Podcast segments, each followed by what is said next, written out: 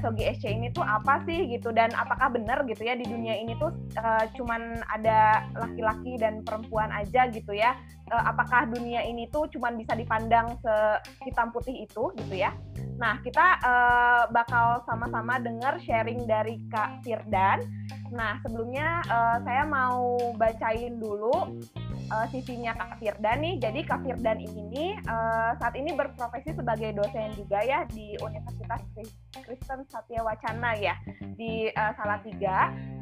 Uh, Kak Firdan ini uh, riwayat pendidikannya dulu S1 dari Unpad ya di uh, bidang Agricultural Studies kemudian uh, mengambil S2 uh, di bidang uh, studi lingkungan juga dari Universitas Pajajaran dan juga uh, di bidang uh, pertanian, kemudian makanan dan juga studi uh, lingkungan dari uh, University Rotterdam gitu ya di Belanda. Nah, kemudian Kak dan ini juga aktif sebagai uh, penulis gitu ya jadi tulisannya itu bisa uh, dilihat di berbagai karya ilmiah dan juga karya karya-karya populer gitu. Dan uh, Kafidan ini juga uh, adalah inisiator dari uh, satu komunitas namanya Panggung Minoritas. Jadi Panggung Minoritas ini adalah uh, ruang aman gitu ya bagi teman-teman untuk uh, belajar tentang uh, keberagaman gender dan seksualitas dan kemudian sebagai ruang aman untuk uh, berekspresi juga gitu ya. Nah nanti Kak Firdan juga akan cerita tentang itu. Jadi tanpa berlama-lama lagi, silahkan saya mau undang Kak Firdan untuk unmute dan uh, sharing presentasinya. Silahkan Kak. Nah, tadi kalau misalnya Teh Hani udah banyak berbicara tentang gender dan juga uh, tentang patriarki. Sekarang mungkin kita mau melihat bahwa tadi kan Teh Hani juga udah sempat sempat singgung mengenai uh, binary apa uh, sesuatu yang biner, terus juga udah menyinggung so, uh, soal intersex. Mungkin kita mungkin bisa lihat di sini di Sogi SC sebenarnya apa sih Sogi SC itu ya? Nah uh, tapi sebelumnya mungkin um, aku mau menyampaikan ini sih eh, hal-hal uh, yang penting yang perlu disampaikan. Tadi kan udah disampaikan sama Fania juga dan Linda juga bahwa di sini adalah ruang aman untuk belajar. Terus aku juga mau menyampaikan bahwa posisi uh, posisiku sendiri uh, sebenarnya Sogi S kalau dibilang uh, tahu Sogi SC sebenarnya baru-baru juga sebenarnya dari tahun 2015 uh, tapi aku juga banyak uh, ketemu sama teman-teman komunitas dan belajar sama teman-teman di uh, komunitas juga tentang Sogi SC ini. Terus juga sempat nyari-nyari tentang sebenarnya literatur tentang Sogi SC itu seperti apa sih sebenarnya? Nah itu sih yang mungkin hmm, sebagai gambaran posisi gue di mana ya. Terus aku juga mungkin akan sedikit uh, melihat Sogi SC dari kacamata kritis. Nah kita tahu uh, perkembangan Sogi SC ternyata um, cukup lumayan baru sih dari 2007 tapi sebenarnya perjuangan uh, untuk memasukkan uh, apa ya Sogi SC ini sebenarnya udah idenya udah ada di tahun uh, 1990 90 uh, itu di di ranah uh, HAM di UN jadi kayak misalnya ini kenapa ya untuk uh, hak hak teman-teman LGBT ya perlu dimasukin juga di di kerangka HAM tapi mereka masih kebingungan dengan uh, bahasanya itu apa ya yang uh, cocok untuk uh, apa menjelaskan teman-teman LGBT gitu. Nah terus uh, di pertengahan 2011 uh, kemudian uh, Dewan PBB itu menyetujui bahwa uh, mengenai HAM Sogi itu sendiri. Asalnya memang ada penolakan uh, penolakan sebelum Sogi itu mereka berpikir bahwa oh kayaknya memang enak dinamai uh, minoritas gender atau orientasi seksual aja atau uh, apa itu identitas gender uh, gender tapi yang disetujui oleh uh, Dewan PBB waktu itu di tahun 2000 di pertengahan 2011 sekitar aku nggak tahu ya bulan Juni atau Juli itu ya uh, lalu di, uh, dicanakan mengenai HAM Sogi. Nah, sudah itu uh, Sogi juga ternyata berkembang uh, tahun 2012 sampai 2013 itu um, ditambahkan dengan kata e di belakangnya yang artinya expression karena ternyata ada teman-teman juga yang gender identitasnya nggak sesuai dengan gender uh, expressionnya. Nanti nanti mungkin akan dijelaskan lagi ya. Terus uh, tahun 2015 uh, ini juga catatannya nggak pasti sebetulnya tahun 2015 atau 2000, sekitar tahun 2015 dan 2017 karena kalau ngelihat dari catatan arus pelangi uh, sogi sogi e ini ditambah dengan kata b yang artinya body dan atau SC. Nah ini ini juga uh, apa uh, teman-teman di aktivisme LGBT ber, merasa bahwa oh kayaknya perlu sesuatu yang inklusif ya menambahkan kata uh, apa SC untuk teman-teman yang intersex. Tapi aku juga nggak tahu ini catatannya masih membingungkan karena kenapa nggak sogi sogi B karena sogi B itu me, merujuk pada uh, apa otoritas tubuh dan juga uh, keberagaman dari tubuh itu sendiri dan terkait sama modifikasi tubuh tapi uh, ternyata yang keluar itu uh, Sogi SC yang banyaknya dipakai sekarang. Kalau Sogi B juga masih dipakai tapi mm, nggak mm, terdengar banyak ya. Makanya uh, kalau ngelihat dari catatannya arus pelangi uh, seperti itu. Nggak banyak ternyata catatannya pas aku lihat di uh, di catatan ilmiah atau di mana ya di komunitas. Dan kalau nanyain juga iya ya mereka juga bingung kenapa ya kenapa banyaknya uh, sekarang Sogi SC nah jadi apa sih sebenarnya Sogi SC itu? Apakah Sogi ISC itu ada sebuah instrumen atau wacana atau konsep? Nah kalau aku sendiri sih berpikir bahwa oh iya Sogi SC ya bisa jadi instrumen juga sih sekarang karena banyak aktivis yang bisa menerjemahkannya uh, ke dalam sesuatu yang praktis seperti uh, di, untuk menjelaskan bahwa ini ke, keragaman gender dan seksualitas di ranah perkuliahan, terus di training, terus uh, teman-teman juga mudah untuk mencernanya. Terus kalau wacana uh, wacana ini jadi jadi penting juga karena uh, wacana wacana yang kita tahu bahwa LGBT itu di, ditolak di apalagi di negara kita uh, Sogi SC bisa masuk sebagai wacana yang uh, apa ya pemahamannya bisa dijel, uh, cukup bisa dijelaskan terus bisa dipahami dan mungkin bahasa kalau misalnya uh, ada apa ya ada asumsi bahwa oh ya kalau misalnya LGBT itu dari barat tapi kalau misalnya dijelaskan dengan Sogi SC mungkin orang-orang uh, mulai bertanya-tanya Sogi siapa ya dan mereka mau untuk belajar mengenai Sogi SC itu sendiri. Terus uh, kalau konsep hmm, ini jadi jadi sesuatu yang menarik sih bahwa Sogi SC merupakan pemahaman untuk dilihat apa untuk melihat tubuh diri sendiri uh, tubuh kita sendiri terus juga uh, pengalaman uh, identitas seksual kita itu juga bisa dilihat dari konsep itu sendiri terus Oke, okay, kita mulai. Jadi sebenarnya apa sih Sogi SC itu?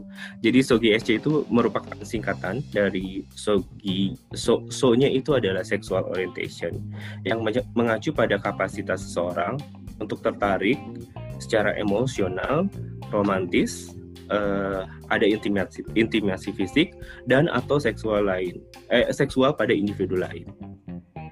Kemudian uh, ketertarikan itu tuh seperti apa sih sebenarnya?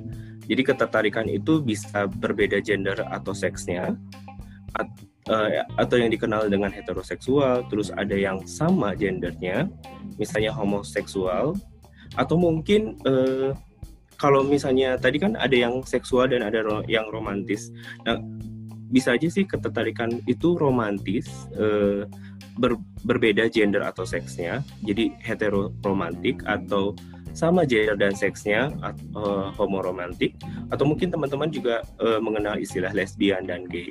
Terus uh, kalau misalnya lebih dari satu gender ketertarikannya itu atau sama uh, seksnya bisa disebut dengan uh, bisexual atau tadi kalau yang misalnya romantis bisa dikatakan sebagai biromantik atau ada juga yang nggak memandang gender atau seksnya atau uh, panseksual atau panromantik. Kemudian uh, ada yang kurang atau tidak tertarik secara seksual ataupun romantik. terhadap individu. Jadi bisa dikatakan sebagai aseksual atau romantik. Nah, uh, teman-teman kalau misalnya dilihat, uh, aku coba buka ya. Ternyata uh, tadi kan di, sudah dijelaskan ada beberapa nih uh, dari penjelasan tadi. Tapi sebetulnya apakah betul hanya ini saja yang uh, ketertarikan atau sexual orientation itu sendiri? Nah, ternyata dari definisi aku ngambil ternyata banyak banget eh, apa ketertarikan itu ada yang demiseksual, ada yang grey seksual, ada yang grey romantik, ada yang heteroseksual, terus ada yang monoseksual, ada yang panromantik poliseksual, terus homoseksual, ada banyak istilah yang eh, digunakan dan berkembang. Dan ini akan terus uh, berkembang ya istilah ini. Sapioseksual terus ada hmm, skolioseksual. Kita nggak apa ya aku sendiri nggak hafal banyak tentang ini. Tapi kalau misalnya ada teman-teman yang oh mengaku sebagai atau come out sebagai uh, di luar uh, yang tadi jelaskan ya nggak apa-apa juga nah aseksual juga ternyata banyak macamnya kita bisa lihat di sini jadi spektrumnya aseksual itu juga banyak. Ada yang heteroromantik tapi dia uh, grey demiseksual, ada yang aseksual tapi dia homoromantik. Terus ada yang aromantik uh, banyak nih. Jadi kayak kombinasinya itu banyak. Ada yang biromantik tapi dia aseksual.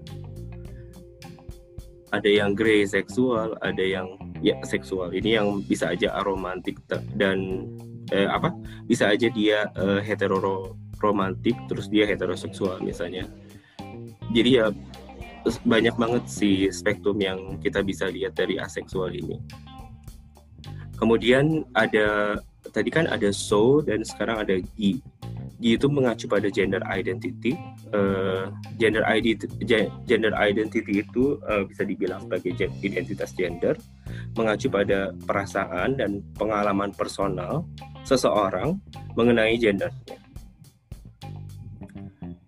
Tadi sama, jadi identitas gender itu juga beragam, seperti ketika sama uh, ketika ditetapkan secara lahir, misalnya, uh, oke okay, dia ternyata uh, uh, lahir sebagai perempuan. Dan dia per, apa mengaku dirinya sebagai perempuan ya itu kita bilang sebagai cisgender.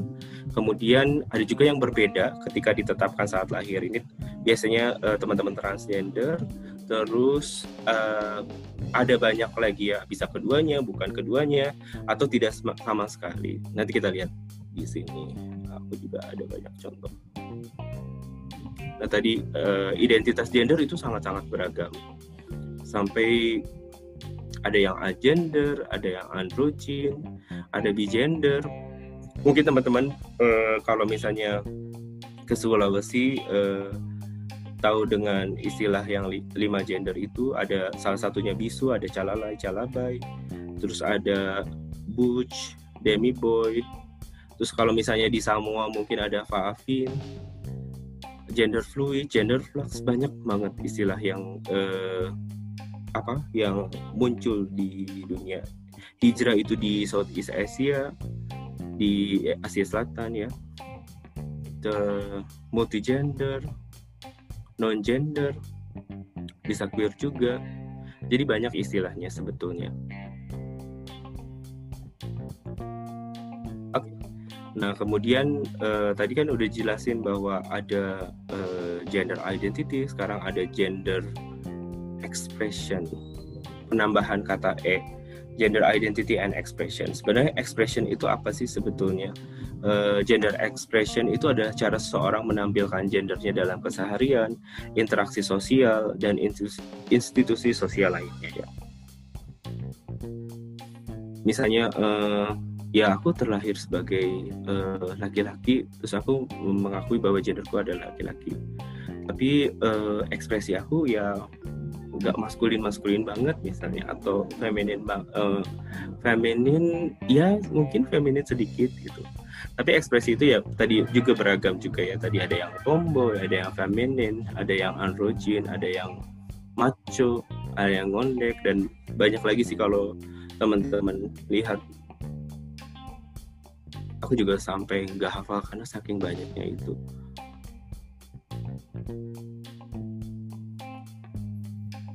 Sini ada gender. Dan gender identity expression ya bisa berhubungan bisa nggak berhubungan Oops, nggak bisa di play ya. Oh, coba kita lihat. Gender identity ya berhubungan dengan apa? Uh, maskulinitas dan femininitas. Yang tadi Tehani uh, sampaikan.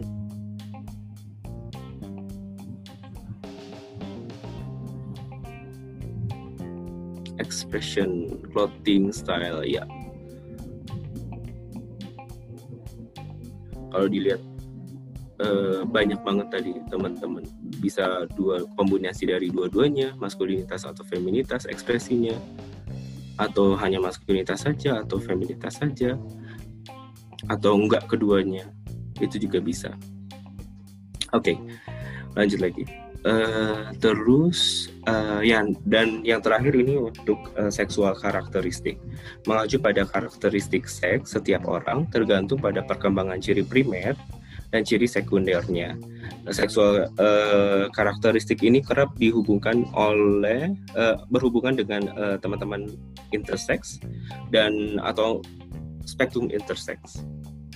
Jadi intersex juga tadi yang Teh Hani bilang bahwa oh mungkin karena seks itu berpengaruh apa selalu dipengaruhi oleh uh, genitalia terus ada kromosom juga terus ada um, hormon juga. Nah intersex ini juga menarik. Menarik karena uh, spektrumnya juga banyak. Banyak karena mungkin bisa uh, apa perkembangannya berbeda-beda. Ada yang perkembangan hormon yang berbeda terus ada yang perkembangan uh, genitalianya berbeda, terus ada yang uh, perkembangan um, kromosomnya juga berbeda. Bisa dilihat bahwa kalau ada yang teman-teman dari uh, kedokteran pasti uh, paham ini ya. Terus ini perkembangan uh, genitalia, terus bahwa ada uh, apa? Ada spektrum yang berbeda dari uh, genitalia seseorang misalnya terus dari uh, ini contoh-contohnya juga dari yang genetalia terus ini dari dari genetiknya dari kromosomnya. Bisa dilihat banyak ragamnya. Kayaknya sampai ada 100 100 kasus kayaknya ya. Terus ini yang hormonnya hormonnya juga berbeda-beda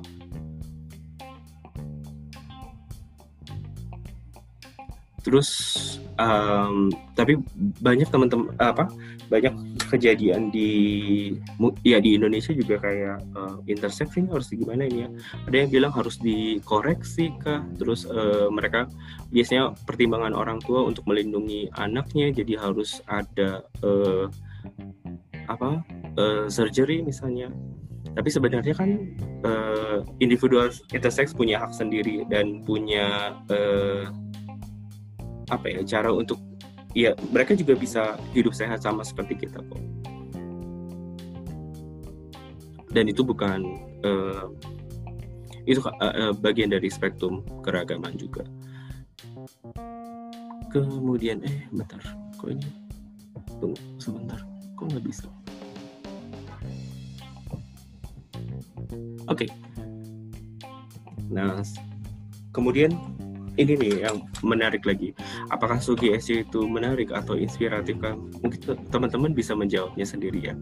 Uh, menurutku secara pribadi uh, aku juga ngelihat dari literatur yang ada dari uh, tulisannya Henry Julius terus diskusi sama teman-teman aktivis terutama yang di Yogyakarta dan di Bandung juga menurutku um, menarik sih untuk melihat uh, Sogi ini karena halo menarik untuk melihat Sogi karena Sogi bisa jadi sebagai model uh, pendidikan baru. Hmm, kenapa kenapa itu jadi uh, apa menarik di Indonesia karena wacana LGBT sendiri di Indonesia sebenarnya sangat-sangat uh, jadinya berstigma dan uh, banyak masyarakat yang menolak hal itu. uh, terutama di konteks uh, keagamaan atau di institusi sosial lainnya. Jadi model pendidikan baru sekarang Sogi juga diajarkan di uh, ranah akademisi, terus banyak teman-teman aktivis juga yang uh, menyuarakan dan uh, mengadakan training mengenai hal itu. Kemudian ruang negosiasi praktis dan politik ya tentu saja bahwa Sogi SC juga sekarang masuk kok ke ke ranah agama dan banyak eh, pakar-pakar agama yang oh Sogi SC itu sebenarnya apa sih? gitu. Dan itu jadi ruang negosiasi dan ruang perjumpaan yang menarik sih menurut aku juga. Terus tadi uh, yang Tehani sampaikan mengenai apa patriarki itu juga penting uh, karena um, Sogi SC ini juga menarik karena uh, kita ya kita bisa melihat sebenarnya akar penindasan patriarki itu kan selalu biner. Uh, selalu uh, selalu mengarah ke yang biner terus melanggakan yang biner. Tapi kalau misalnya Sogi SC ya enggak sih enggak enggak semua uh, apa hal dan uh, apa kekerasan itu terjadi pada misalnya perempuan saja tapi bisa tem uh, kepada teman-teman lain yang memiliki keragaman gender dan seksualitas. Nah, uh, inspiratif ini dari pemikiran kritis sih. Jadi kita memang juga harus melihat sebenarnya apa yang terjadi di lapangan uh, Sogi SC ini. Nah, kalau misalnya kita tadi ngelihat bahwa oh ada yang hetero, terus ada yang homo, terus ada yang uh, jadi jadi balik lagi kayak kita mengkotak-kotakan sesuatu. Padahal kan sebenarnya spektrumnya itu luas. Nah maka uh, SC juga harus dilihat bahwa uh, tetap jauh dari stabil. Jauh dari stabil ini uh, aku ngutip dari uh, Henry eh, dari Judith Butler juga bahwa seksualitas itu ya nggak pernah cair sih. Uh, jauh dari kata stabil juga uh, selalu mengikuti konteks uh, yang tadi Tehani bilang sama dengan gender misalnya seksualitas juga selalu mengikuti konteks sosial uh, kultural. Terus uh, apa? Ya ketertarikan hasrat kenikmatan itu nggak pernah ada yang fix gitu. Terus uh, ini juga menarik sih kalau misalnya tadi kan sebagai model pendidikan baru juga uh, Sogi SC, tapi ada beberapa orang yang ternyata uh, menyampaikan uh, Sogi SC ini nggak simetris gitu, nggak maksudnya uh, ada nggak nggak sama gitu setiap training atau setiap uh, kita misalnya ikut pelatihan tentang Sogi SC, jadi itu juga yang jadi kehati-hatian kita sebenarnya informasinya nggak sama ya ternyata apa satu training dengan yang lain. Terus ada kategori atau wacana semu juga. Tadi kan kita juga melihat bahwa banyak istilah yang di uh, perkenalkan oleh SC di dalamnya itu banyak-banyak istilah. Tapi apakah kalau masuk ke Indonesia apakah uh, istilah itu akan menjadi sama atau um, malah membingungkan? Itu juga yang perlu ditekankan. Apakah apakah itu juga uh, istilahnya sesuai dengan budaya atau konteks kita sendiri. Nah, terus uh, relasi kuasa ini juga ada di praktek-prakteknya uh, apa setiap training SOGSC mungkin fasilitatornya um, tidak um, bertugas sebagai fasilitator yang memfasilitasi uh, apa memfasilitasi ruang diskusi tapi mungkin juga ada relasi kuasa sih di situ. Jadi kayak uh, saking kuatnya pengetahuannya si fasilitator ini jadi teman-teman kayak harus oh ya kamu harus misalnya kamu harus mengidentifikasikan dari Sogi SC kamu masuk yang mana. Padahal ya nggak mengidentifikasikan diri uh, sebagai apa pun juga nggak apa-apa sebenarnya. Tapi ada beberapa fasilitator yang ternyata menggunakan uh, kuasanya karena dia punya pengetahuan yang lebih. Kemudian uh, ada juga hmm, kita juga nggak bisa kayak mengkotak-kotakan oh ini mungkin yang hetero terus ini yang homo. Terus uh, ya kamu misalnya kalau misalnya homo ya uh, homo aja. Tapi kan sebenarnya seksualitas itu cair. Nah ini juga penting di ruang negosiasi atau bertahan hidup. Karena di konteksnya Indonesia ya banyak juga sih teman-teman yang sebetulnya mungkin dia gay tapi uh, dia karena untuk alasan bertahan hidup dan uh, kondisi konteksnya misalnya di keluarga atau di masyarakatnya dia harus hetero dia akhirnya menikah punya keputusan untuk menikah. Kita nggak punya apa ya istilahnya kita nggak bisa ngejudge hal itu juga tapi hmm, yang paling penting ya kita melihat oh bahwa ada ini ada keragaman. Kita tahu ilmunya tapi kita juga nggak bisa ngejudge orang memilih apa itu paling yang bisa aku sampaikan nanti untuk refleksi bersama kita bisa uh, tanya jawab dan sekalian uh, apa menanyakan um, apa yang ada di pikiran teman-teman kali ya sore ini terima kasih Oke, makasih banyak Kak Firdan. Wah, uh, makin menarik aja ya bahasannya gitu. Dari Sogi SC ini ya terlepas dari sebetulnya uh, perdebatan gitu ya di, di ranah ilmiah yang terjadi sebetulnya uh, dengan adanya konsep Sogi SC ini uh, harusnya membuka mata kita gitu ya bahwa ternyata ya gender dan seksualitas ini tuh uh, sangat beragam gitu dan uh, realitanya ada gitu di sekitar kita di keseharian kita gitu.